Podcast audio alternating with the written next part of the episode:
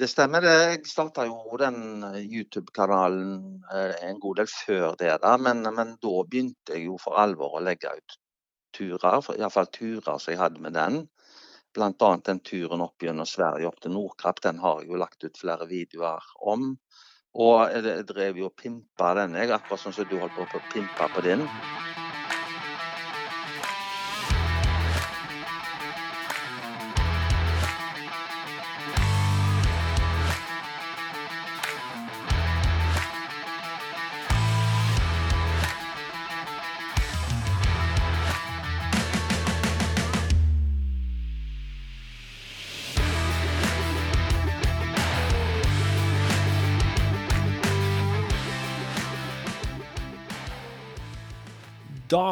Er det bare å vel ønske velkommen tilbake til Rally Nord podkast. Mitt navn er som vanlig Dennis Travolta, og eh, i dag så skal jeg ta og ringe en eh, fyr jeg snakka med for eh, bare noen uker sia.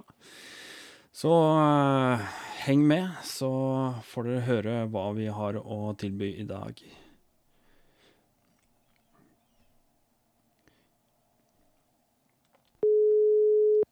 Ja, i hvert fall eh, ringetone, om ikke annet. Ja, hallo? Hallo, hallo, Sven.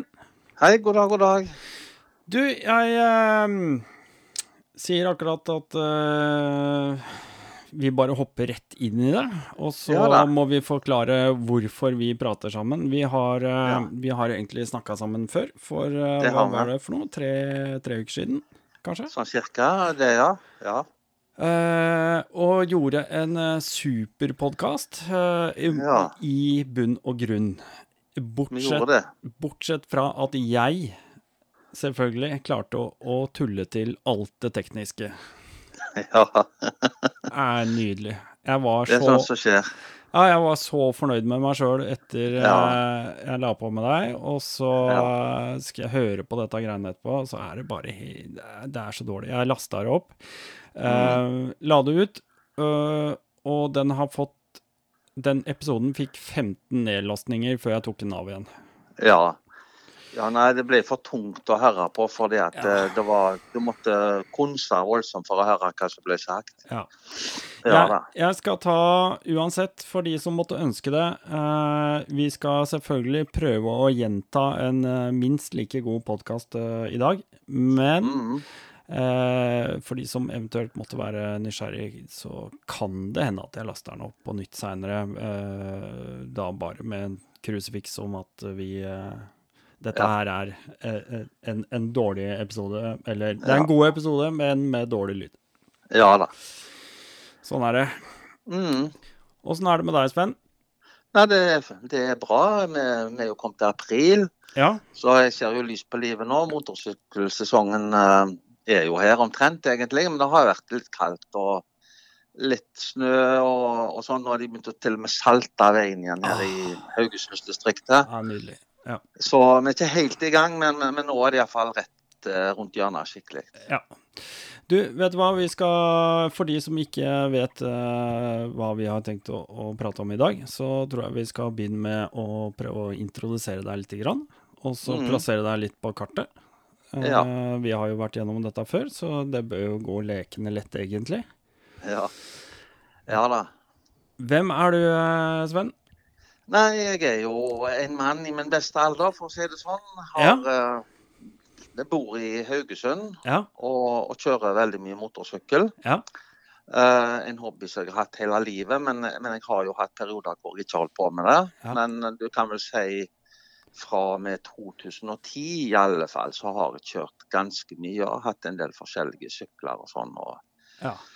ja, så har jeg egentlig da òg begynt å så filme litt turer. Egentlig i starten mest for min egen del, men jeg fant ut at eh, videoene mine, mine ble sett av flere. Ja.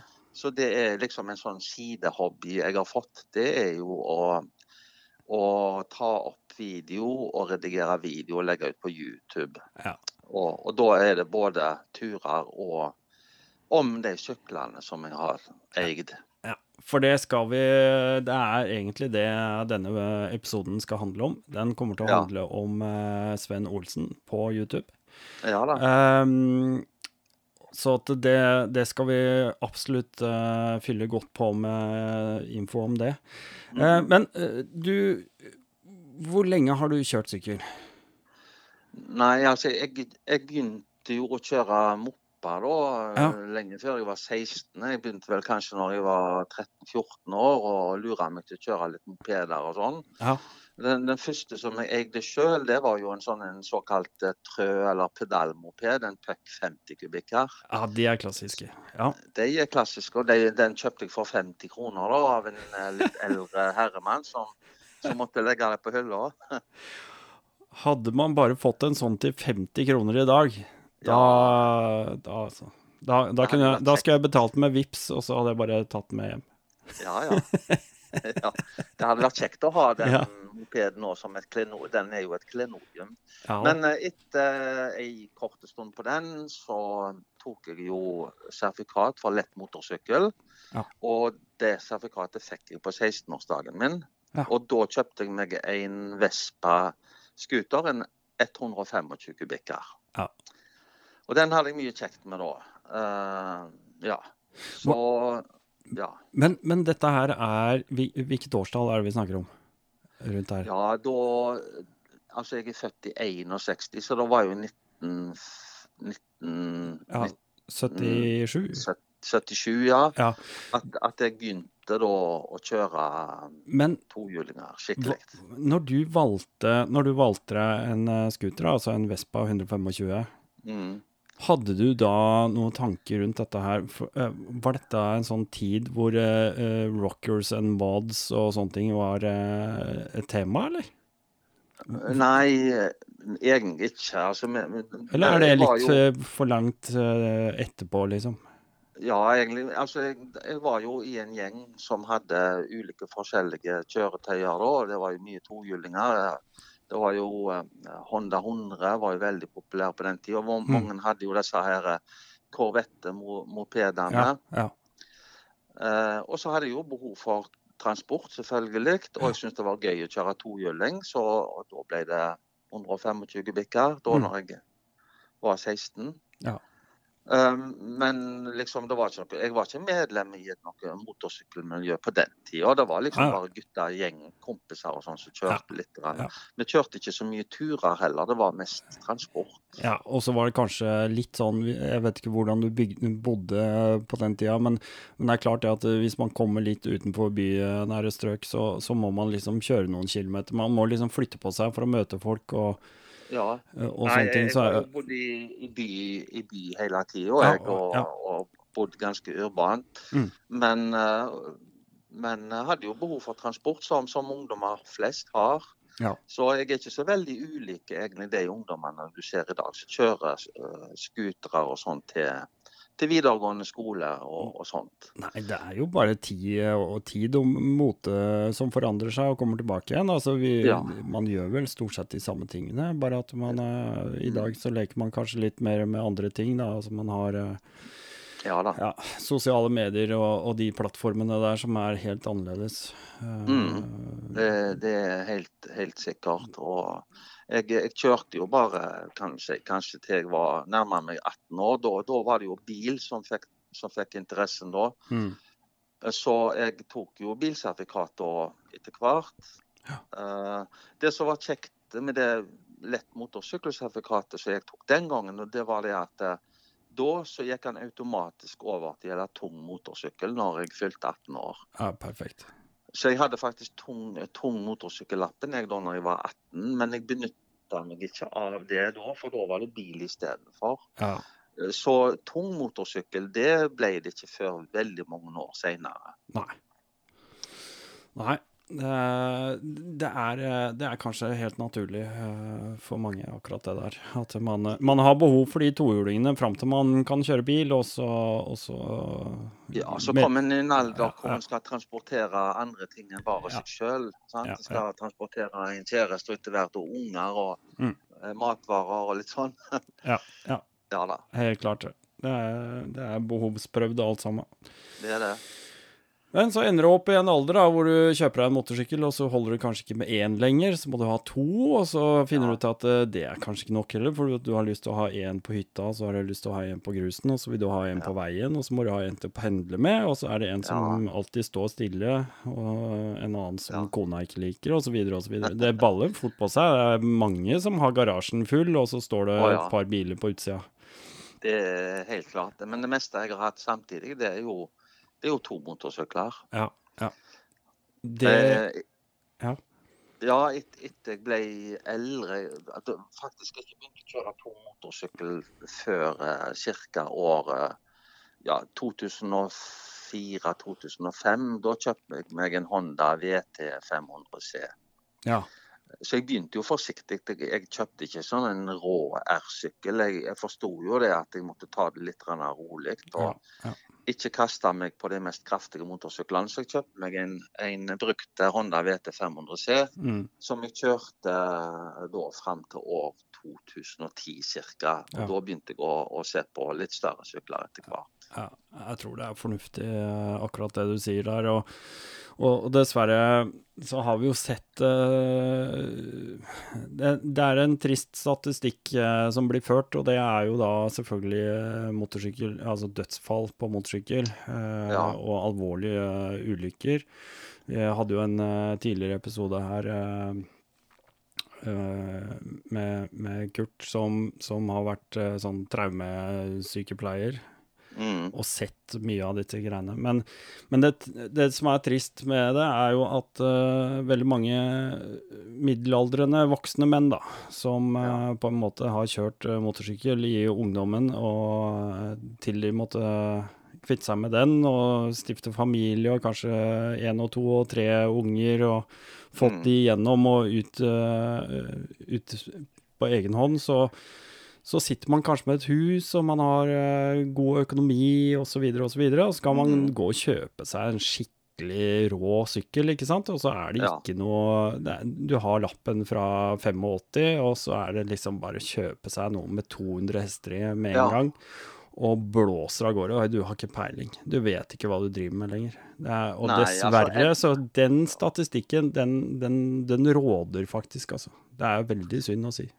Ja, altså Enten har en jo da En har kanskje fått veldig god råd og har råd til å kjøpe en, en dyre sykkel med masse hester og hive seg på uten egentlig å ha opparbeida noen særlige ferdigheter. Ja. Eller kanskje òg, hvis du ikke har så god råd, så, så istedenfor å kjøpe en, en sykkel med gode kjøreegenskaper, gode bremser og, og, Mm. og sånne ting, Mm. og kjørehjelpemidler, så kjøper en kanskje en en eh, litt kraftig, men eldre brukte motorsykkel som har dårlige kjøreegenskaper og dårlige bremser. Men det viktigste er jo at en kjenner sin egen begrensning. At en ikke hiver seg oppå en altfor kraftig sykkel uten at en har fått den nødvendige kjøreerfaringen. Og jeg innså det, derfor så begynte jeg lavt. Og jeg meldte meg jo på førerutviklingskurs. Mm. Jeg var to ganger på Vålerbanen eh, for å, og, og gikk på førerutviklingskurs i regi av Senior MC, Mm. førerutvikling, og det var utrolig nyttig. Det lærte jeg veldig mye av. Så det vil jeg jo anbefale folk som, som vi snakker om her nå, som har kjørt i ungdommen, men så får lyst til å begynne å kjøre igjen. Ja. Pass på at en får eh, god kjøreopplæring. Ja. Selv om en har lappen òg, så er det viktig. Ja, og det, det tror jeg også er viktig altså understreke det at eh, det er ikke fordi at du nødvendigvis er så jævlig dårlig til å kjøre motorsykkel og håndtere den, som er årsaken til ulykken. Det er rett og slett reaksjonen din eh, når Ja. noe uforutsett oppstår. Og det vil jeg si, det, har, det ligger da med panikkreaksjon. Ja da. Og hvis man da- instinktive feilhandlinger, som Ja. jeg kaller det for. Riktig. Og det er jo akkurat det, det vi snakker om. Det å bli stiv av skrekk, mm. og så Ja. helt handlingslamma i forhold til å kunne komme seg ut av en situasjon. Ja da. Så Det- tenker jeg tenker. Ja, Men eh, vi skal la det ligge med det. Men du, du var i hvert fall eh, med, med senior MC, du. Ja, det var, jeg meldte meg jo inn i senior MC her eh, på Haugalandet da. Mm. Det var ikke det at jeg følte meg så veldig gammel. Jeg, jeg tok jo for selv skyld og meldte meg inn i resirkulert ungdom på samme tida, da. Ja, ja, ja. ja. Men det som var kjekt med Senior MC, det, det var jo først et godt miljø i den klubben der, men de hadde jo sentralt òg denne førerutviklingsavdelingen sin. Og de ble veldig proffe på å arrangere førerutviklingskurs etter hvert. Så eh, to ganger, to år etter hverandre, så var jeg der oppe og kjørte med to forskjellige sykler på banen. Og da, og da lærte jeg meg å, å, ta svingen, for å si det sånn. Ja. Stole på grep i dekket osv. Så, Mm. så en annen ting i forhold til det med sikkerhet, det er jo å holde sykkelen sin i teknisk god stand. Mm. Og ikke minst uh, ha gode ferske dekk på sykkelen. Der ser jeg det blir synda en god del. Ja. Folk som kjører med mm, flere år gamle dekk som Ja. er begynt å rett og slett å bli morkne. Mm. Så Mm. det er liksom de tingene der. Sørg for at en har trening, og sørg for at eh, du har gode dekk og bremser på sykkelen. Da kan du ta svingen ganske fort, hvis det skulle bli en sånn en overraskelse at svingen kommer litt fort på. Ja, ja. Ja. Og nye sykler i dag, jeg, jeg vet at veldig mange vil kanskje være litt uenige, men, men eh, nye sykler med de uh, ABS-ene, kurve-ABS, uh, antispinn-funksjoner osv., osv., de er uh, life-saving, altså. Det er, Ja, eh, man kan godt være jævla flink til å kjøre motorsykkel, men jeg tror eh, det skal være ditt eget valg hva du velger å, mene om det, men jeg tror nok det at eh, i det store og det hele så berger det veldig mange situasjoner i løpet av et år. Ja, det er helt, det Det er helt er- En moderne ABS, du klarer ikke bremse så godt Nei, som en nei moderne nei ABS. da, nei da. Men jeg vil ikke være den som står her og vet alt best. Men, eh, men jeg ville personlig foretrukket en ABS, eh, helt klart. I hvert fall på, på et vanlig fast underlag, og grus også, og, og, Ja. og sånne ting. Så. Ja. Men eh, det skal, skal la være å si mer om det, eh, Mm. tenker jeg. Um, så da har du kjørt litt med resirkulert ungdom, og har liksom en fast møteplass der, da? Med Nei, jeg har egentlig ikke, Ikke? det. Jeg, jeg meldte meg inn i den klubben, men jeg har aldri blitt noe aktivt medlem der. Å nei. Uh, nei. Uh, du kan si det mesteparten av de turene der i lag med andre, Mm. De har faktisk da vært sånn at vi har kommet sammen gjennom Facebook-grupper. Der er jo masse forskjellige grupper. Ja. Vi har jo en egen gruppe her på Haugalandet som heter MC-livet på Haugalandet. Mm. Og så, eh, så der har jeg jo faktisk arrangert en del turer. Jeg har fått en masse folk med på turer der. Ja. Men etter hvert så dreide jo, begynte jo min interesse å dreie seg mer og mer over på å kjøre eh, grusveier og sånne ting. Og da oppretta vi jo egne grupper for det. Så jeg har liksom en, en god gjeng med kamerater som jeg kan kjøre med. Mm. Mm. Og så, og så har jeg jo meldt meg inn i Offroad turingklubb, OTC. Ja, ja. Så jeg, med på det, jeg har vært med på det treffet der oppe i Folldal to ganger. Og da er det veldig viktig å påpeke at eh, alle som vil ha en tilknytning til OTC, ikke bare meld deg inn på Facebook-gruppa, men også betal og registrer et medlemskap som er med å støtte OTC Org sine sider, og Ja. alle de positive tingene det, som ligger bak der. Det er Det viktig. koster 200 kroner, og da har du livslangt Ja, det er ikke engang et abonnement. Det er rett og slett Nei. et engangsbeløp. Og det, det har alle råd til, syns jeg. Det er- Sterkt å anbefale. Ja, av 3600 medlemmer på Facebook, og vi passerte akkurat 2000 betalende Stemmer. medlemmer, så er det 1600 potensielle betalende medlemmer der, altså. Og det er Det er det. eh, 200 kroner. Det, det tror jeg alle skal ha råd til. Ja da, Ja. helt enig. Ja. Ja. Nei, men det er veldig fint uh, Veldig fint uh, akkurat det der med OTC. Uh, det har jeg lyst til å prate mer om, men det skal vi ta en annen episode av Ja podkasten. Ja da.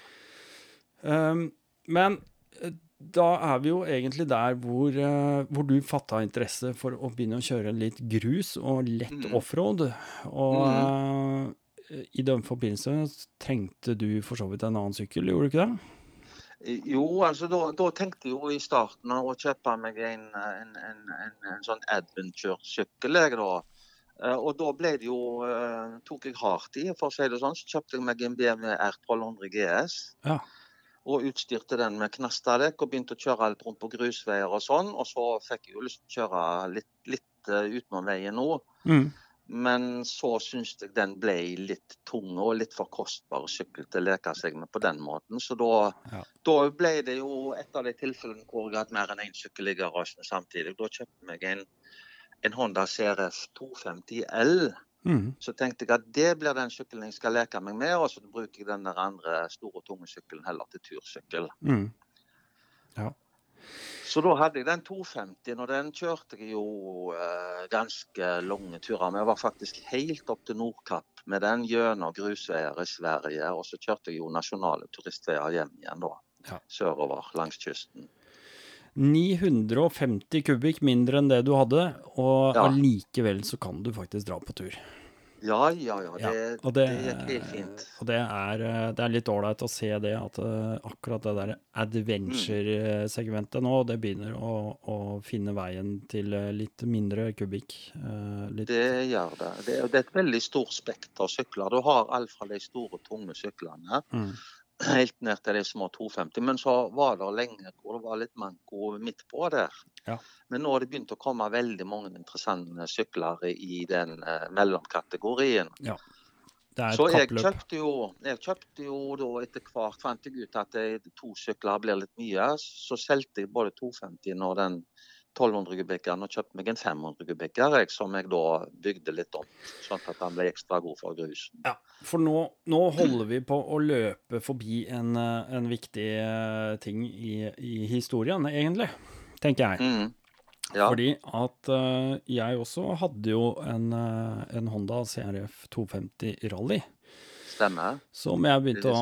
Ja. Ja. Og når jeg kjøpte den ny, det var en 2018-modell. Eh, Ja. Den fikk jeg altså Jeg hadde solgt sykkelen min i 2018. Jeg hadde en uh, sidevognssykkel, en svær BMW R1150 GS Adventure med sidevogn. Med led Mm. ledda sidevogn, så jeg kunne legge meg over i svingene. Jævlig kul. Ja. Hvis dere ser den ute på veien, dere. Jeg vet ikke om han har gjort noe, han som eier den nå, men ser ut som en sånn uh, bie, den eh, sidevogna og, og sånne ting, så er det min gamle sykkel. Det, og hvis du hører på, du som eier den, uh, håper du tar godt vare på den, det vet jeg at du gjør, men uh, det var en dritkul sykkel, og er Mm. eneste i Norge i hvert fall. Men uh, utpå høsten, jeg skulle egentlig vente over vinteren med å kjøpe meg en uh, mindre sykkel, for jeg hadde lyst til å prøve akkurat det der segmentet med å gå over til en liten sykkel med 250 kubikk og 24 fattige hester, og, og rett og slett vise at det går an å gjennomføre ting med sånne typer motorsykler. Også utpå høsten der, i, i eh, 2018, så Jeg driver og scroller Finn hele tida vet du, på nye sykler, og de lå på 69 000 på den tida, alle sammen. Mm. Og så scroller jeg nedover en dag, og så ser jeg at det står 59 000. Så tenkte jeg faen, det er 59 000? Det kan ikke Mhm. stemme. Nei, jeg må ringe. Jeg må ringe. Og det, da skulle jo jeg egentlig vente over hele vinteren, men jeg ringer. Ja, nei, det var eh, Den hadde gått eh, Den hadde gått eh, 25 km. Ja. Og så sier jeg, men i all verden, er, er, er det en demosykkel dette, eller hva er det for noe? Nei, nei, nei, det var, var en kar som hadde eid den. Og nå skal jeg ikke, nå skal ikke jeg eh, legge ut noen navn, for det, det har jeg jo ikke uansett, så det er greit jeg kan si det nå. Poenget var at jeg kjørte av gårde ned på Billingstad uh, utafor Oslo her, og så på den sykkelen. Den så kliss ny ut. Han kom da Den hadde gått 24 eller 26 km. Han hadde hatt en kunde inne i butikken som hadde gått rundt lenge og kikka, og så sagt at ja, jeg skal ha den sykkelen der. Ok, ja, den kan du få. Ja, og så må jeg ha noe kjøreutstyr, så må jeg ha hjelm og hansker og full, fullt utrusta. Ja, det kan du få. Og skilter har de jo bak på lager, så det var bare smakk, smakk, registrert og ferdig, og forsikring og alt turt og kjør klar. Og han dro av gårde. Dagen etterpå så ringer det telefon til denne forretningen og sier at eh, du, eh, sønnen min han har vært og kjøpt en eh, motorsykkel av deg, jeg kommer og leverer den nå. Han bare Du, dessverre, det, det kan du ikke gjøre. Det, denne sykkelen, den eh, Hvorfor skal jeg ta den tilbake, liksom? Han har kjøpt og betalt. Nei, for det første så skulle ikke du ha solgt den sykkelen til vedkommende. Nei, men uh, han kommer og betaler den sykkelen. Det er ingen regler i Norge på det. Nei, han har rett og slett ikke førerkort. Og han er for øyeblikket ute på permisjon fra en anstalt. Og han er i tillegg suicidal. Ja, det var ikke så bra at han hadde en sånn. kanskje. Nei, så han hadde kjøpt denne her og kjørt av gårde, kommet seg helt opp til Ryen, og der ble sykkelen parkert. Og så Ja. fikk jeg kjøpe sykkelen 10 000 kroner billigere, med full tank til og med. Ja, da fikk du den til 250 L-pris, du, da. For Ja. det var det den kosta, den kjøpte. Ja, det, da kunne jeg ikke dy meg. Nei. Da måtte jeg bare kjøpe den. Ja, jeg synes det var en fantastisk morsom historie. Du har hatt en uh, veldig bra sykkel uh, der. da. Det, den er jo litt mer vindbeskyttelse og sånn på enn hva den 250 L-en som jeg hadde. da. Ja. Men den er en god del høyere. Mm. Så Den er, eh, jeg lurer på, er det to, ja, 25 millimeter, tror jeg kanskje var. ja, den- det er noe sånt. Ja. Denne siger jo litt ned når du setter deg på den der. Men der kommer jo våre veier Det er jo der våre veier krysses første gangen, da. For da Mm. er vi jo plutselig har vi jo interesse rundt samme sykkel, og så driver jeg litt og pusler i garasjen min og lager litt sånne Ja, eh, videoer på gøy. Og så går jeg ut på YouTube, og så ser jeg at det er noen andre som driver og har det litt gøy, og. Det var deg. Og da har jo Ja. det virkelig utvikla seg. Ja da. Nå, Det stemmer. det. Jeg starta jo den YouTube-kanalen eh, en god del før det, da. Men, men da begynte jeg jo for alvor å legge ut turer. Iallfall turer som jeg hadde med den. mm, annet den turen opp gjennom Sverige opp til Nordkapp. Den har jeg jo lagt ut flere videoer om. Og jeg drev jo og pimpa den, jeg, akkurat sånn som du holdt på å pimpe på din. Så ble det jo mye deler satt inn til den og skifta ut og sånn etter hvert. Blant annet en bedre sal. ja. For, for han er jo litt smal og litt vond i rumpa, den salen som er på den sykkelen. Og litt andre ting. Men uh, det er utrolig hvor langt du kan kjøre, hvor kjekt du kan ha det med en sånn liten 250 Ja. til en, en prislapp på ca. 60 000 kroner. Ja. Og det er mange som lurte på hvorfor i all verden jeg kjør, kjørte den lille 250 til Nordkapp når jeg kunne kjøre GS-en min. Mm. Men, men det var jo litt det at vi skulle kjøre mye grusvær. Vi kjørte jo grusvær omtrent helt fra Haugesund over, over til Sverige og så nordover opp til Nordkapp. Ja. Og da var den sykkelen helt perfekt faktisk til det. Da kjørte vi jo det som heter Trans Euro Trail, som du sikkert har en podkast om, eller kommer til å ha en ja podkast ja, om senere. kommer nok Ja. mer. Men Ja da. nei da, det er en tet eh, som alle kanskje kjenner til. Jeg la en link til tet her i den forrige episoden jeg la ut, så Ja snakka litt om det der. Men eh, Ja ja. Og der er det jo en masse kjekke veier som er kartlagt på forhånd, så du kan bare følge på GPS-en din, og det har jeg hatt utrolig mye glede av. Mm. Mm. Både med den 250-en og sykler som jeg har kjøpt senere. Jeg syns den 250-en var kjekk, men jeg syns han ble litt svak. Ja. Til, fordi at jeg vil jo ha en litt mer allround-sykkel enn den, så da ble det at jeg kjøpte den Honda 500. CB500X-en, og den har jo pimpa mye. Og, og lagt ut en god del videoer om, både i forhold til det som jeg har gjort med den, og turer som jeg har hatt med den. Ja, og jeg Jeg tenker at eh, det du har gjort med den, det har du også lagt ut uh, på YouTube, og så har du erverva nye sykler etter hvert, og, og du har brukt mye tid og, og satt deg godt inn i de syklene du har hatt. Ja. Og, og tenker at du har gjort fryktelig mye med de syklene også, som er interessant for folk. Og, og da er vi jo tilbake på dette her med YouTube, da, og det, det spennende fenomenet YouTube. Fordi Mm. øh, du tiltrekker deg jo folk fra hele verden som er interessert i akkurat disse syklene, og akkurat disse oppgraderingene, og osv. og så videre. Og da kan Spesielt eh, den, den Honda CB500X, eh, den ble, eh, de videoene ble omfattet av veldig stor interesse. og Grunnen til det var jo det at eh, I 2019 så ble den sykkelen oppgradert bl.a. med 19 toms framhjul. Ja. Så gjorde han òg enda mer interessant å kjøre rundt på grusveier med og sånne ting. Mm. Og så var Norge kanskje et av de aller, aller første landene som fikk den nye modellen. Oh, ja. Og, og det er en motorsykkelmodell som er utrolig populær rundt omkring i hele verden. Mm. Så når jeg begynte å legge ut ting som jeg gjorde med den, så fikk disse videoene ganske mange treff. Og da begynte denne eh, YouTube-kanalen min å vokse. Ja. Så det var egentlig mye flaks det at jeg fikk eh, masse subscribere da etter hvert på den kanalen. Ja. eh, som var veldig interessert i, i denne her nye modellen fra Honda.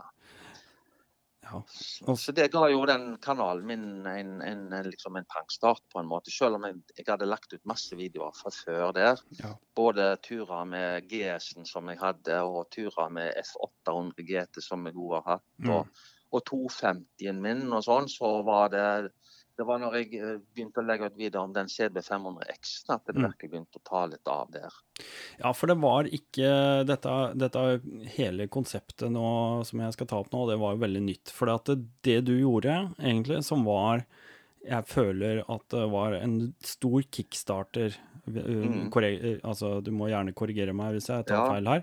Ja. Men det jeg føler var din store kickstarter, det var jo at du kjøpte den eh, CB500X-en, og så oppgraderte du den med rallyride-kittet, Ja, som var stemmer. helt nytt da. Eh, Ja, da var det, det noe eikehjul, og det var eh, Ja, dempere, og det var masse greier, var det ikke det? Det er helt, helt korrekt. Altså, for, altså Den CB500X-en, den, den modellserien, den har eksistert siden 2012, tror jeg det er. Sånn cirka det. Ja. Og, og Rally Ride Products i England har jo lagd oppgraderingskit til den, sånn at du fikk 19 toms framhjul, Mm. og du fikk eh, bedre fjøringsvei og bedre fjøringskomponenter. Ja. Og, og eh, motorbeskyttelse og litt sånn forskjellige ekstra deler til den. Mm. Eh, Så den, den sykkelen og det kittet som de leverte, var allerede omfattet av stor interesse. Men så kom 2019-modellen, og da har Honda tydeligvis sett litt på hva Rally Ride har gjort. Ah, For de prøvde å komme eh, kundene sine i møte med å gi han 19 toms eh, framhjul, Ja. blant annet. ja. Men fortsatt så var det jo muligheter for å oppgradere den så han ble enda bedre offroad-maskin. Mm. Og, og da kjøpte jeg det, det kittet komplett. Altså det var jo da spilefelger. Ja. Eh, og det var oppgraderte fjøringskomponenter. Og monterte det på den nye sykkelen min. Og det er det ikke Det var jeg den første som la ut videoer om akkurat den oppgraderingen som de tilbød til den nye oppgraderte versjonen av den sykkelen. Mm. Så de, de videoene det har fått uh, veldig mange treff. For den, den videoen som har mest treff, den har jo 160 000 views, tror jeg. ja. Og det er en video som viser hvordan den CB500X-en ser ut etter jeg har oppgradert den med det kittet fra Rally Ride. Ja. Så det sier jo litt om interessen. Og dette er en sykkel som er veldig populær bl.a. i USA og i Sør-Amerika. Um, og hvis jeg ser på besøk på kanalen min, så ser jeg jo at mest, mesteparten er jo fra USA. Mm. Den største gruppa. ja. Og, og Sør-Amerika, Brasil og nedover der. Ja, for da får vi også legge til, da, altså seerne dine. Altså, jeg personlig er jo veldig ofte inne og bare ser på en tilfeldig eh, video her og der. Og det, Ja. det er jo sånn som de fleste av oss gjør. Og så innimellom så hender det at jeg trykker på follow bare fordi at jeg syns at OK, her er vi Mm. på en nisje som jeg eh, har interesse av, og Ja. denne figuren lager interessante videoer osv. Mm. Men du har nå eh, runda 6000 følgere. Det har jeg. Ja. Det, det er eh, Jeg syns at det er ganske imponerende tall, ja. Ja, til, til å være en, en norsk kanal, så er jo det eh, veldig bra. Ja. Eh, vil jeg si. Men Det, det er jo et smalt felt. Det er jo snakk om motorsykler, dette her. Ja. Og det er jo en nordmann. Jeg er jo nordmann. Mm. Eh, Så det er ikke så verst sett i forhold til det, syns jeg. Nei, men da vil jeg påstå at uh, du har jo uh, Du har jo tatt dette her, uh, ikke sant. Du gikk fra gøy til alvor på et eller annet tidspunkt. Ja da. Det er jo egentlig ikke så veldig mye alvor Nei. egentlig heller, men jeg gjør jo dette fortsatt. Fordi Ja. jeg syns at det er, er gøy å gjøre det, og fordi at jeg ser mange har glede av det. Ja. Ja. Men det er klart at når det kommer over et visst seertall, så drypper det er noen små inntekter her. Men det er jo ikke nært noe. å dekke kostnadene jeg har med hobbyen. Nei da.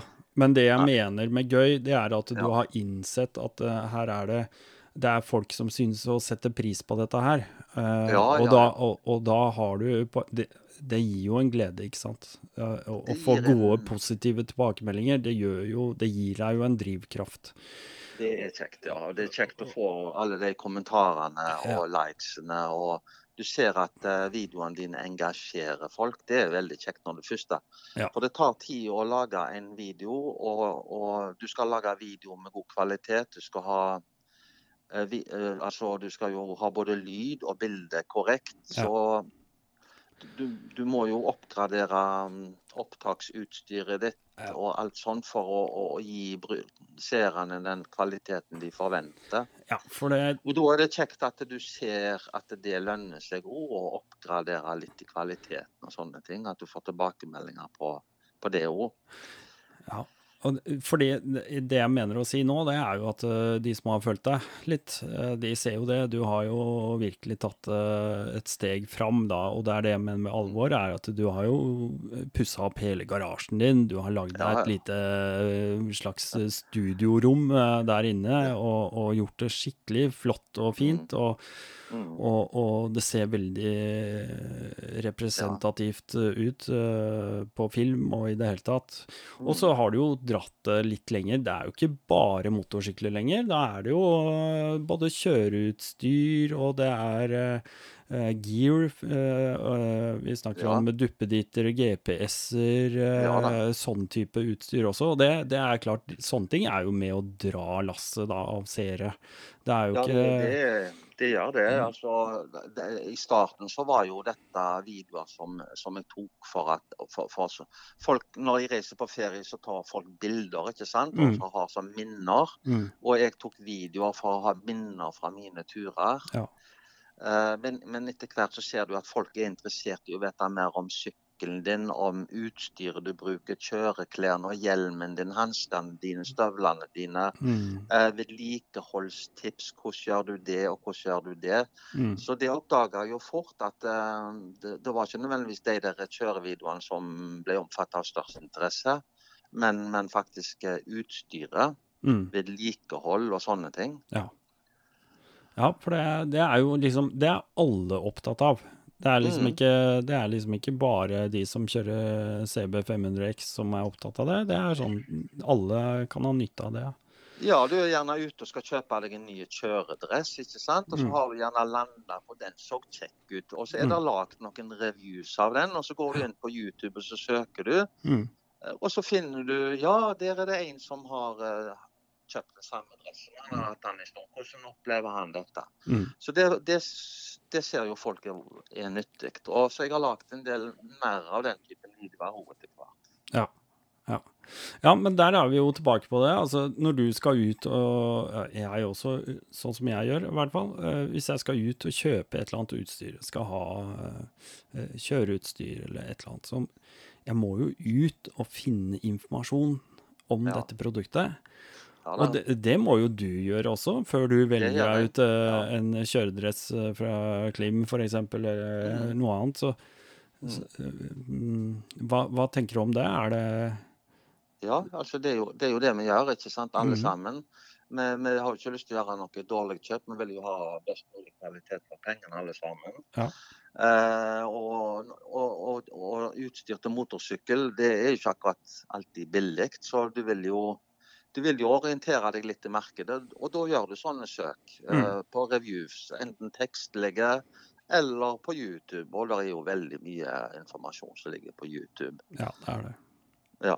Så, så det, på den måten så får jo jeg treff på mine videoer. Hvis noen søker på Klim Travers eh, f.eks., så får de treff på min video. Ja. Så kan de se hva jeg mener om den kjøredressen, Ja. f.eks. Eller hvordan skifter du egentlig tennplugger på en R1200 GS? Ja.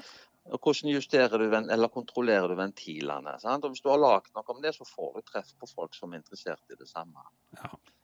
ja Nei, det gjør det. Og det er, eh, det er spennende forum. Men det er veldig mange som lager videoer, altså, som bare ikke De, de, de kommer liksom ikke gjennom. Uh, men jeg tenker også at hvis du er litt opptatt av det, hvis det er liksom den store greia, så må man bare stå på, og ting tar tid, da. Altså, Ja, det eh, tar, det tar tid, og, så kan det være greit å ha litt flaks, sånn som jeg Ja. har hatt da. Ja. Med at jeg traff veldig godt på den CB 500X-en. Og eh, nå har jo en Yamaha Tenere 700, og den Mm. er det jo veldig mange som eh, lager videoer om. Ja. Så det har jeg jo ganske hard, eh, for å kalle det konkurranse, da. Ja, ja, ja. Men, men det er såpass mange som er interessert i den sykkelen nå, at eh, jeg får en god del treff på mine videoer, selv om det er mange andre. Mm, mm. Ja. Det er uh... Så litt flaks, men det som du var inne på der, du må, du må bare fortsette. Selv om du får gjerne bare 50 likes på en video, og du, du går trått med å få nye ab abonnenter, så, så lenge du er til stede der og legger jevnlig ut, for det er viktig at du har eh, jevn tilsig med nye videoer. Mm. Tror jeg. Det nytter ikke liksom, hvis du har tenkt å få en del subscribers og, og litt eh, interesse rundt kanalen din, så, så er du nødt til å legge ut jevnlig videoer. Og så må det selvfølgelig være interessant innhold, og det er jo, det er jo en utfordring. det, er- Du, du, må, du må lage noe som folk syns det er interessant og kjekt å se på. Og der, er- men der er du inne på et par segment. Ja, altså hvis vi skal dele opp segmentene i videoene dine, da, så har du, Mm. du har syklene Ja. og, og det som hører til der, altså ombygging, eh, ikke sant? hvordan veier du sykkelen din, f- altså sånne ting. Og så har du Mm. kjøreutstyret Mm. og duppedittene som GPS-er og sånne ting. Men så har du også ganske mange videoer som rett og slett eh, går på kjøreturer, som du rett og slett bare har et hjelmkamera og bare kjører i Stemmer. fantastisk flott natur. Altså, jeg må jo bare Ja si det. Er, sånn sett så bor, vi jo, bor jo du i et mekka også. Ja, det er litt rart for meg å prate om dette her som vi har prata om en gang før, men vi, vi må jo nevne det, at du bor jo i et eh, fantastisk eh, område av landet. Det gjør jeg. Man har jo utrolig mye fin natur, og det er ikke Mm. mer enn en time eller tos kjøring, så er du inne i fantastisk flotte eh, kjøreområder. Mm. Blant annet har du jo nasjonal turistvei eh, Ryfylke. Mm. Eh, Du har Hardanger, ikke langt ifra. Nasjonal turistvei Hardanger. Så det er ikke så langt herifra. Så har du fjord og fjell. Ja. Og fjord og fjell er jo noe som er ganske unikt. Iallfall så flotte fjord og fjell som vi har her. Ja. Det er noe som vekker interesse i utlandet. Men for øvrig Mm. så vil jeg jo si at eh, sånn rene kjørevideoer, det er ikke de videoene som jeg har fått mest treff på. Nei. Det er de mer sånn utstyrstype sykkelvedlikehold, sykkeldeler og kjøreutstyr. Det er de som får flest treff. Mm. Eh, Så skal du lage rene kjørevideoer, så må det være veldig spesielt flott natur å vise fram. Og det har vi jo heldigvis, da.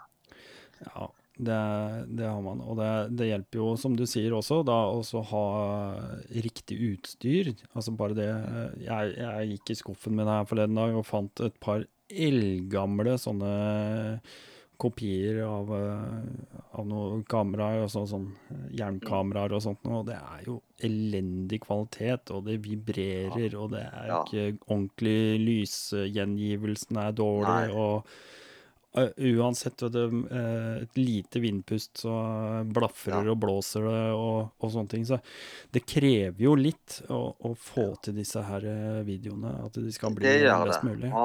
Fått veldig god hjelp av teknologien nå med billedstabilisering og sånne ting. Så det, det er mye lettere å få til ganske fine videokvalitet nå med et hjelmkamera Mm. i forhold til bare for en fem-seks år siden. Ja, ja.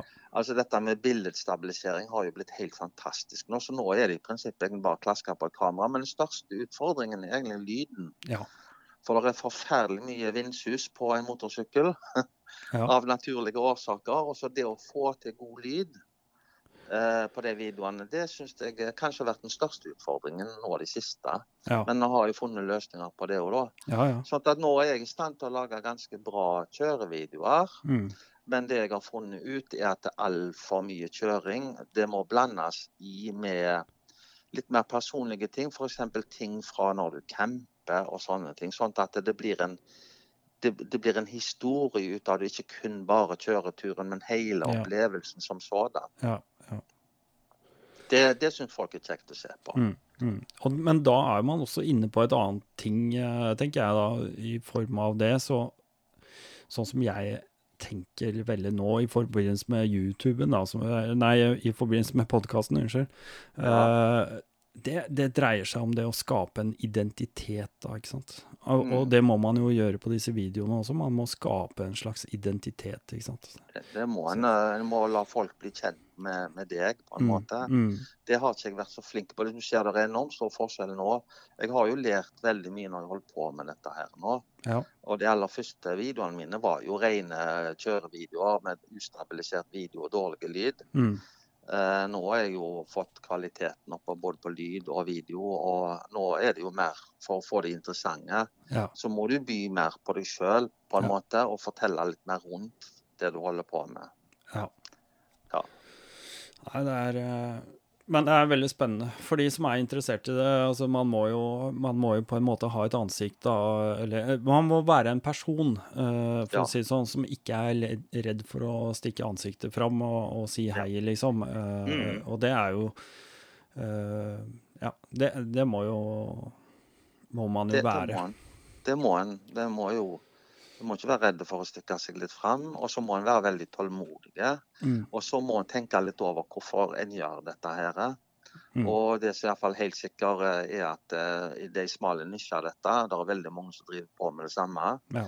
Og jeg valgte jo bevisst å bruke engelsk språk, f.eks. For mm, fordi det norske markedet vil være for lite. Hvis jeg hadde snakket norsk, så er det jo kun nordmenn. Hvis jeg da ikke hadde oversatt videoene mine. Det går an å gjøre, men det er mye arbeid.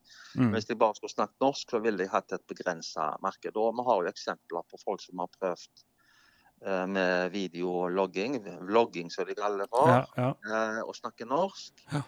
Og får ikke nok interesse rundt videoene til at de syns det er kjekt å holde på med lenger. Nei. Så da, da, da en, må, en må faktisk uh, være forberedt på å snakke engelsk. Og det er jo en utfordring, for det at jeg har jo egentlig bare grunnskolen jeg i engelsk. Ja, ja, ja. ja. Um, så jeg har jo blitt flinkere å snakke engelsk etter hvert jeg holdt på med dette her òg. Ja. For det, der er vi jo inne på altså Jeg mener du er jo en, særegenhet eh, som person når du er på YouTube. Uh, det, er, det er ingen det er, det er, Og dette er jo ikke negativt. Dette her mener jeg bare positivt. Det er Ja ingen som har vært innom kanalen din som ikke hadde gjenkjent deg Nei da. om de hadde hørt stemmen din og, og, og er gjenkjennelig, ja. språket på nytt igjen.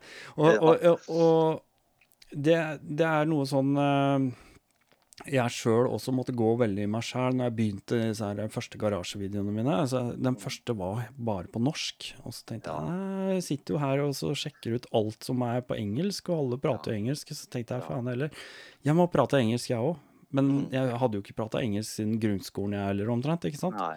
Og da blir du litt sånn herre du, du føler deg veldig dum og usikker og, og sånn på mange måter. må lete etter ordet, ikke sant? Og Ja. forme setningene. Så det blir at du må snakke Det blir automatisk at du snakker veldig sent. Og det gjør jo jeg fortsatt, men det har jeg positive sider òg. Mm, mm. Og det er jo veldig mange andre som ikke snakker engelsk, ja. men, men som skjønner litt engelsk hvis du snakker sakte. Ja. Og det, har, det er jo litt skøy, for det har jeg fått tilbakemelding på. eh, Mm. At uh, takk for at du snakker så sakte og klart. Ja. Og det er jo fordi at eh, jeg har jo sett enkelte youtubere som eh, har engelsk som native eh, språk, for å si det sånn. ja. De snakker jo enormt fort, og du skal, du skal ha nesten engelsk som morsmål for å skjønne hva de sier. Mm, mm. Så det, det kan være en, en, en utgangspunkt en ulempe som kan snus til en fordel. Ja, og så tenker jeg at det ligger mye positivt i det, fordi at eh, er, uansett, da. Hvis man har et rent og fint budskap, uh, så uansett hvordan setningsoppbygningen er, eller at man bruker en feil bøyning eller Ja. uh, og, og sånne ting, uh, så, så vil budskapet komme veldig klart fram, både av film, av mimikk, altså peker, viser, filmer ting. Altså alle skjønner hva du snakker Ja. om allikevel. Alle forsto jo hva Petter Solberg mente når han snakket om pigs in the decks. Ja, ja, ja, ja, ja, ikke sant? Åh, det er bare It's not the smell that kills you, it's the fart. it's the fart, ja. Ja, er, det er konge. Det er helt sinnssykt bra. ja, da. Nei da, så ikke helt der, da, men, men jeg, har, jeg har unngått akkurat det. På. ja, det er bra, altså. Og, og, og, men, men sånne ting gjør jo folk likandes også, da, ikke sant? Ja da, klart det, det gjør ikke noe. Nei. Så, så jeg tenker at uh, det er rom for alt, og det er rom for alle. Altså det er, ja. Men, men uh, litt tilbake til videoene, som jeg mener eh, uansett, da, for det er det jeg Som jeg sa her, at alle skjønner hva du mener, uansett om du staver eller snakker litt feil. Nå må jeg jo virkelig berømme deg for å lage virkelig kvalitetsvideoer. Jeg syns du lager skikkelig gode videoer, og at du at eh, man merker at det er gjennomtenkt, at eh, ting går, eh, som du sier, kanskje litt sakte, men da går du også inn. Ja da. Og, Jo, takk. takk. Jeg er glad for du sier det, for jeg, jeg, bruker jo, jeg bruker jo litt tid på å lage disse videoene. Jeg tenker nøye gjennom på forhånd hva som skal være budskapet, og hva jeg skal si, og, og litt sånne ting. Så mm, skal du lage gode videoer, så krever det god planlegging. mm, mm, Det, det er ikke til å komme forbi det, så det er tidkrevende dette her. Det skulle regnet eh, om det som jeg har i disse små inntektene jeg får her, i forhold til tim, Ja, timebetaling. nå- Så det har jeg ikke lyst til å regne på engang. nei, nei, nei. Men det er ikke derfor jeg gjør det heller. da. Jeg gjør det fordi jeg syns det er kjekt. Og jeg kommer til å gjøre det så lenge jeg syns det er kjekt. Nei, altså, Nei, du, du, må, du må ha en eh, genuin interesse for det. Det er ikke sånn at du våkner opp en dag og sier at i dag skal, nå skal jeg bli YouTuber og bli søkkrik. Det, det, skjer, det- skjer ikke. Det, kommer, det kommer ikke til å skje. Nei. Jeg helt sikker på. Så jeg gjør det så lenge jeg syns det er kjekt. Ja, ja. Ja da. Nei, altså det og, og det Man lever jo også på gode tilbakemeldinger. Jeg mener Mm. du har jo sikkert fått uh, fryktelig mye gode tilbakemeldinger. Jeg leser jo sjøl, og jeg har jo kommentert Mm. eh, innimellom. Jeg har jo ikke sett uh, brøkdel, for du har jo lagt ut så mange videoer nå. Men, Ja. uh, men det er klart det, er, det, er, det, det er jo en drivkraft. Um, jeg, jeg, legger, jeg stusser alltid over de som må liksom absolutt trykke på tommel ned. Ja. Det, det er alltid noen som gjør det. ja, og det, det stusser jeg på. Jeg skjønner Mm. ikke hvorfor må du det? Ja, og og der ser du jo at eh, på Facebook der, der har en jo aldri innført tømmen, ikke sant? Ja. Men, men på YouTube så har en det. Og, Ja. og da er alltid, alltid en tøm down ned på videoene mine òg. Ja. Det er alltid minst én. ja. Og det, Og, men heldigvis er det jo så mange mange flere tøms opp, da, sånn at jeg, Ja. jeg bryr meg ikke så mye om det. Men jeg har jo stilt meg spørsmål jeg òg av og til. Ja. Eh, hvor, hvor, hvorfor, hva er bakgrunnen for det? Og det har jo ofte Det kommer jo til og med på videoer som, som blir veldig populære, om som, som veldig mange liker, og som du får gode kommentarer på. Men så er det allikevel en tøms down der, og det tror jeg kanskje har noe med janteloven å gjøre. Altså. Ja, det er, det er det jeg også stusser over. og Jeg, jeg tenker disse, disse menneskene Altså, ja, ja, jeg kan gå inn på YouTube, og så kan jeg klikke meg inn på en eh, video på 20 minutter. Jeg sitter ikke og ser ferdig den hvis jeg syns den er dårlig. Da Nei bare går jeg ut og finner på noe annet. Ja. Eh, altså, er det nødvendig å bruke så mye tid og energi eh, at du sitter og ser en video og trykker tommel ned når du ser det står eh, liksom eh, 1400 tommel opp? Så må Ja, du ha den ja. der ene tommelen ned. Det er sånn, Ja. der, det er sånn der nede i kjelleren eh, på gutterommet hjemme hos mor og far-tendens. altså, jeg, jeg, får, jeg får litt Ja. sånn hette av det. Ja, det er litt rart, men, men jeg tenker som så at ja vel, der er jo alltid noen som vil gjøre det. Så det, jeg, jeg har ikke Jeg har ikke latt meg affisere noe. Jeg har reflektert litt over det innimellom, bare. Men, men det er jo klart at det store flertallet tar tømmel opp. Men det er veldig Det er, det er veldig kjekt å se at folk er veldig positive der. Ja, for det, det, det, det bringer meg litt sånn til en greie. Altså, hvis du trykker tommel ned, er det noen som skriver negativt? Nei, men kanskje litt sånn, noe sånn ironi og litt sånn småspydig av og til. Ja. Men, men jeg har som politiker prøver å svare positivt til alle, selv om de i utgangspunktet ser at det er en negativt lada kommentar. Mm. Så prøver jeg å være positive. Mm. Men det har vært et par kommentarer som har vært uh, av en karakter som gjør at jeg rett og slett har bare sletta dem. Ja. Ja. Uh, og det er ikke ofte, heldigvis. Det er veldig sjelden. Nei, for jeg også hadde en sånn her uh, på en video jeg la for en stund siden, som jeg bare Først så, så kjente jeg at jeg at jeg, at jeg fikk litt ståpels uh, for det at jeg eh, irriterte meg. Mm. Uh, og så gikk jeg istedenfor Og så begynte jeg å skrive en ordentlig tirade uh, Ja. tilbake. Uh, Ja. Og så var jeg i ferd med å trykke send, og så bare Nei. Nei. det hever meg over det her. Og så bare sletta jeg hele min egen kommentar før jeg fikk sendt den, og så sletta jeg også det innlegget og ferdig med det. Jeg tenkte jeg, drit Ja, for- i det. Altså, For det, det kan du gjøre. Og, men Ja. jeg tenker av og til så, så det er jo, noen ganger jeg har fått konstruktive hva sa du nå? Nå må du gjenta deg, for Ja, det, falt det ut litt. jo det hender at jeg får det som kan kalle for en konstruktiv tilbakemelding. Ja, ja. Som, som kan tolkes negativt, men av og til så velger jeg å ta det til meg. Altså, ja, Ja. ja. ja det, han har kanskje rett i Mm. det som står der. Mm, Men Kanskje det er noe som jeg bør ta til meg. Så det, ikke, det, liksom, det, kan, det kan være negativt så lenge det er konstruktivt. ja. Ja, ja, Ja. Jeg er helt enig, og, og det er jo akkurat derfor jeg, jeg liker ikke å bruke negativ kritikk hvis det er konstruktivt. Det er, det er, konstruktivt. Positivt eller negativt. Er, Mm. Ja da. Ja da. Og, men så må en være forberedt på når, når en har 6000 abonnenter og mange seere på en kanal, så, Ja. så må du være forberedt på, på alt mulig. Eh, og, og du må tåle at det kommer negativ kritikk. Ja, Men det er viktig at den er konstruktiv, syns jeg. ja, ja. Ja. Nei, jeg er helt enig. Jeg er helt enig. Men eh, nå Ja, du mm, Jeg så du la ut noe greier i dag, eller var det i går også? I går Så, la jeg ut en. så nå har du vært ute eh, og kjørt litt igjen? Ja, jeg var ute på den første nå, nå har jo liksom sesongen kommet litt sent i gang pga. det har vært veldig mye kaldt vær. Og det har vært glatt og salt på veien og sånt. Men i går fikk jeg iallfall den første grusturen min Ja. med den nye Yamaha TNR 700 min. Ja. Det var jo veldig kjekt å få, få litt sand under, under dekka igjen. Ja, ja.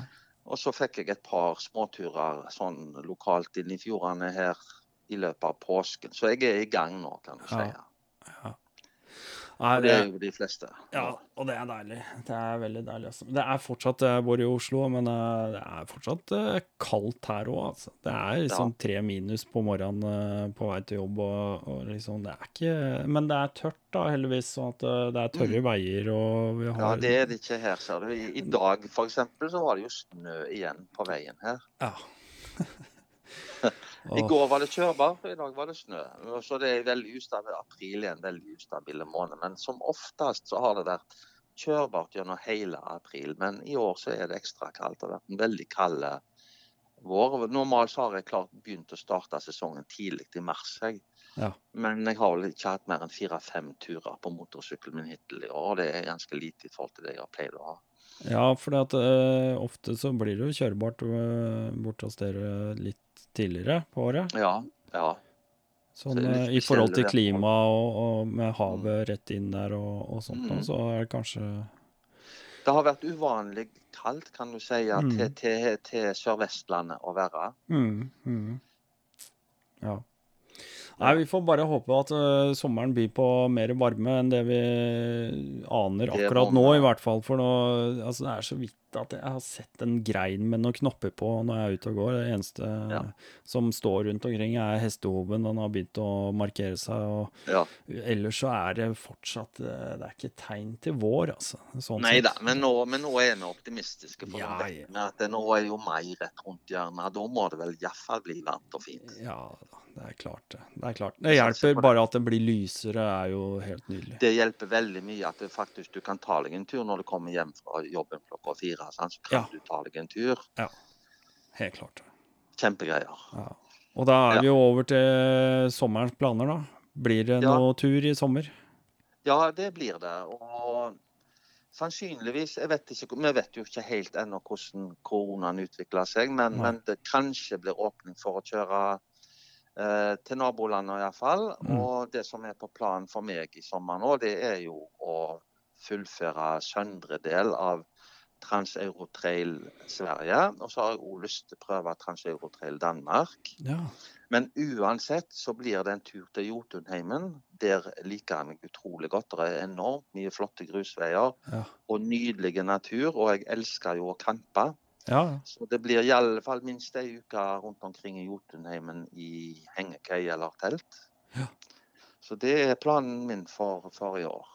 Det er, eh, det er vanskelig. Jeg tror de fleste jeg spør om eh, hva blir turplanen for i sommer, det, er, det, det svaret blir ikke gitt eh, 100% for det, er så usikkert sånn som det er nå om dagen. Mm. det, så det er, det er nok eh, Vi er i samme båt eh, der, alle Ja. sammen. og?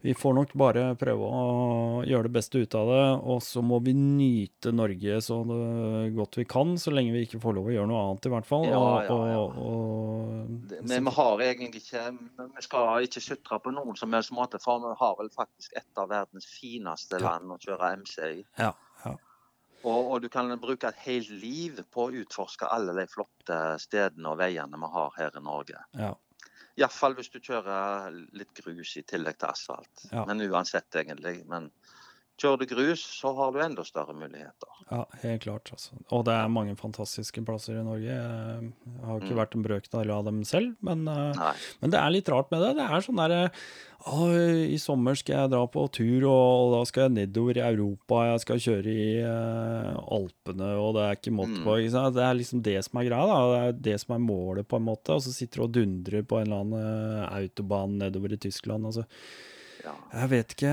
Det er noe sånn charteraktig med hele Ja, greia. Og, Det er jo- veldig, veldig flott å kjøre i Alpene, men, ja. men, altså, vi har jo og det er mange som tenker i den retningen, så har de ikke utforska Norge Nei. i det hele tatt. Nei. og Derfor så er det ikke noe det, mener, det er ikke noe tragedie sånn sett, hvis vi må holde oss innenfor uh, våre grenser her i Norge. For det er så mye fin natur og så mye flott å utforske her. mm, Og jeg òg har lyst til å kjøre ned til Alpene mer. Det, Ja. men, det, det kommer jeg nok til å gjøre på sikt. Men eh, jeg har mer enn nok å kose meg i Norge foreløpig, ja da. tenker jeg. Ja, det er, det er masse å ta tak i, og så får vi Ja. bare bruke pengene våre her hjemme. Eh, Mhm. Nå har vi jo spart eh, penger i eh, over et år.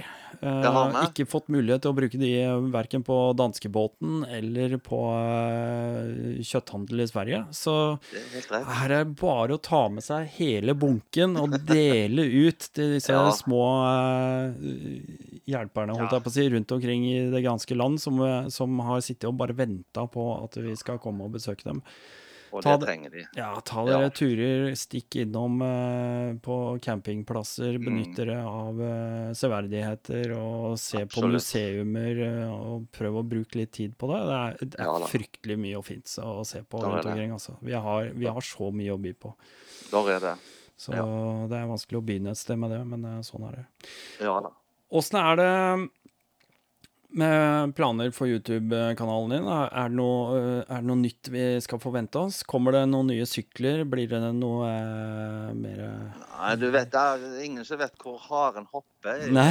Uttrykk, så, så du vet aldri. Men eh, planen nå inntil videre er jo å beholde den Yamaha Tenereen som jeg nettopp kjøpte. Kjøpte ikke den eh.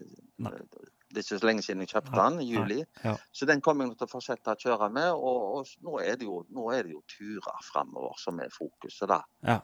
det er ikke så mye mer å fortelle om motorsykkel nå. Jeg har jo utrusta den sånn som jeg ønsker å ha den nå, så det er ikke så mye å lage på der. Så nå, så nå blir det nok eh, mer turer eh, og turopplevelser fremover. Ja. Og, og sannsynligvis blir jo da det mye i Norge, Ja. som vi nettopp snakket om. Så du blir ikke rastløs med å kjøre samme sykkelen når du ikke får gjort noe mer med den? Nei, det gjør jeg ikke. Nei.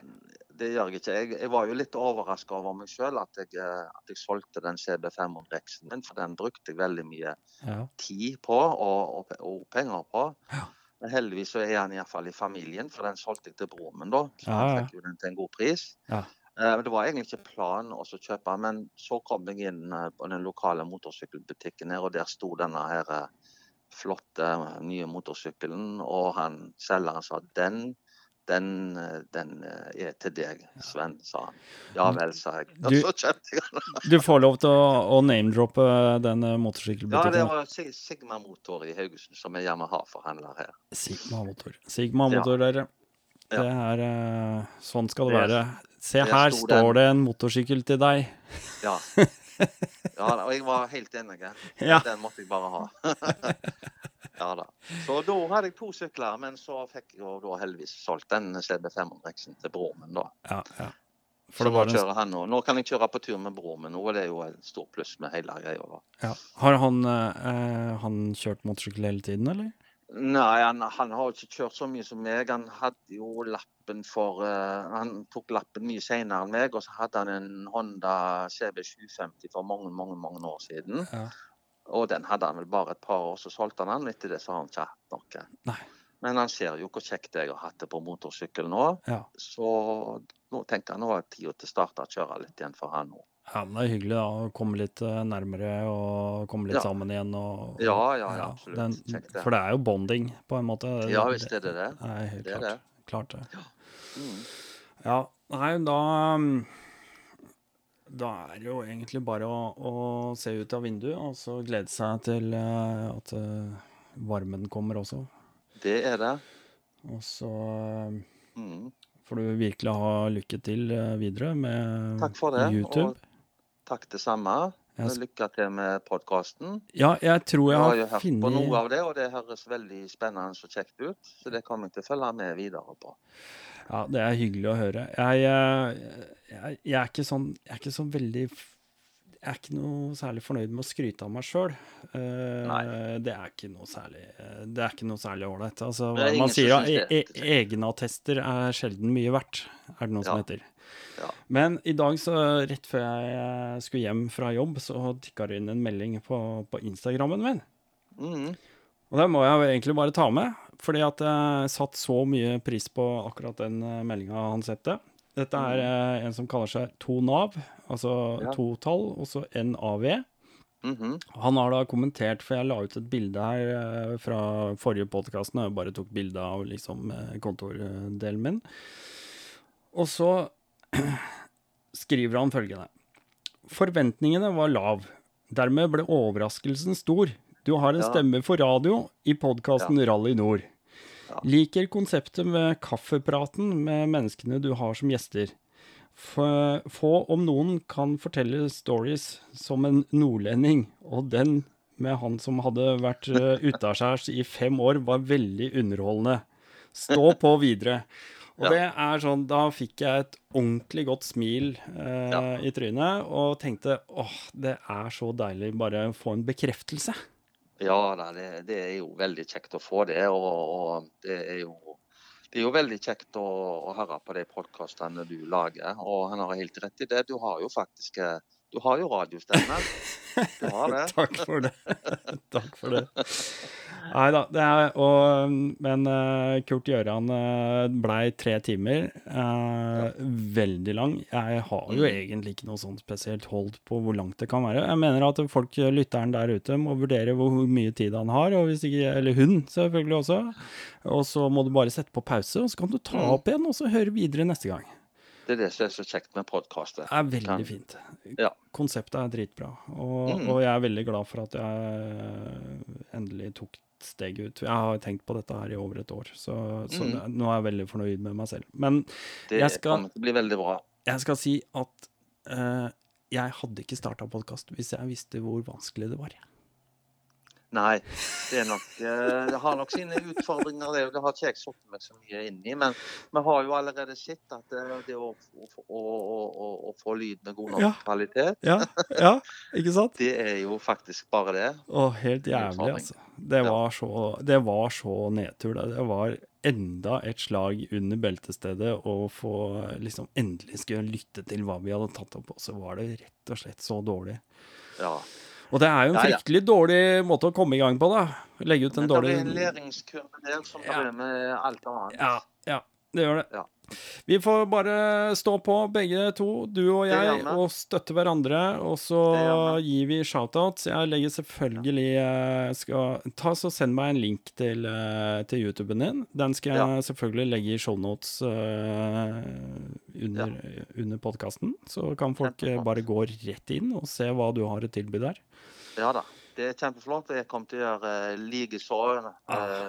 med podkasten. Tusen takk for det. Tusen takk Ja. for det. Du, vet du hva? Vi uh, møtes vel plutselig en dag, gjør vi ikke det? Plutselig en dag så treffes vi på, på veien. Ja. Det er jeg helt sikker på. Det tror jeg også. Ja. Da sier vi det sånn, og så sier vi bare shalabais. Yes. Ha det bra. Vi snakkes. Ha det. Nei. Ja. Det var Sven Olsen på YouTube, det. Ehm, det er litt spesielt å sitte her og så prøve å gjenta noe du syns var en veldig god podkast fra tidligere. Men eh, Og så var det selvfølgelig ikke så jævlig kult å oppdage at lyden var dårlig, og Sven syntes det var dårlig, og da er det liksom bare sånn Nei, denne må jeg trekke, jeg kan ikke la den ligge ute. Og eh, den hadde 15 nedlastninger. Eh, jeg regner med at jeg og han var i hvert fall en av de, og kanskje et par andre til, jeg vet ikke. Så maks 10-12 stykker, kanskje, som klarte å, å laste ned den. Eh, jeg vet ikke hvor mye av dere, dere mye av den dere gadd å høre, eller om dere hørte den fullt ut. Det har vært eh, morsomt å få en tilbakemelding på om noen faktisk hørte den fullt ut, og hva dere syns, og hva forskjellen er, jeg vet jeg ikke. Ehm, om jeg kommer til å legge den ut? Nja, vet ikke. Kanskje. Kanskje en annen gang. Kanskje om et halvt år eller et år. Jeg vet ikke. Det får vi se. Um, det er i hvert fall um, veldig gøy å være i gang med podkast. jeg syns at dette er morsomt å drive med, så at, uh, det er ikke noe sånn uh, jeg ikke gjør fordi at uh, jeg, Det er ikke noe jeg gjør fordi jeg føler meg sånn tvunget til det. Dette er noe jeg syns er gøy. Hvis du allikevel har lyst til å bidra til at jeg kan eh, senke skuldrene litt i forhold til å drive med det her, så er det fullt mulig å støtte podkasten via min Patron-account. Den skal jeg også legge en link til. Uh, setter jeg veldig stor pris på. Jeg har lovt det, og jeg kommer til å holde det. De ti første som begynner å støtte meg med ti dollar eh, i måneden eller mer, det er eh, den gjengse valutaen som ble brukt i eh, Patron. Det er skattbare penger for min del, bare så dere vet det. Eh, kommer ikke til å bli superrik, men jeg har mye faste utgifter, eh, løpende, eh, løpende abonnementer som jeg må ha for å få lasta opp og drevet med alt dette greiene her. Det kunne vært greit å få letta litt på det, sånn at jeg slipper å liksom ta det ut av egen lommebok hele tiden for at dere skal få en god lytteropplevelse. Men øh, de første ti som støtter meg med ti dollar eller mer, sender dere et fantastisk øh, Rally Nord-klistremerke som dere kan ha på deres edle trofé. En motorsykkel, selvfølgelig. Uh, spre det glade budskap. Eh, jeg sitter her og følger med litt på statistikker og ser og ser og ser, og det blir litt økning for hver gang. Veldig hyggelig og gøy med tilbakemeldinger. Hvis du har lyst til å være med på podkasten, hvis du har noe på hjertet, send meg en mail. rally.nord eh, at gmail.com. Merk den med podkast og hva det gjelder. Så jeg kontakt med deg med en gang jeg har mulighet. Eh, og så er jeg interessert i å komme i kontakt med en eller annen, noen av dere, en av dere, eller en liten gjeng, eller hva som helst, uh, som har planer i sommer. Uh, det er mulig at jeg kan lage en sånn liten sånn Hvis dere har planer om en lang, lang, lang tur, ta kontakt med meg. Kanskje vi kan eh, komme sammen og så ta en sånn liten oppdatering underveis på turen deres. Snakke litt om eh, saker og ting, hva dere har opplevd, og hva, hva som skjer. Det, det er litt sånn spennende. Det ligger et konsept i det, og det tror jeg vi skal plukke sammen. Så ikke Bare send meg et lite hint, så må, må vi vurdere om det passer seg inn. Uansett. Eh, mitt navn er Dennis Travolta. Uh, jeg gleder meg også til uh, sommeren skal komme på full styrke. Det blir masse moro i sommer også. Håper du likte podkasten, og at du velger å abonnere på den podkasten. Gi meg, for dere som er på iTunes, gi meg gjerne ratings, så de der stjernene. Det hjelper faktisk veldig mye hvis du gidder å ta deg tid til det. Og så om du eventuelt gidder å skrive en liten kommentar i tillegg, som eksempel at du syns det var eh, en ålreit podkast, så betyr det veldig mye.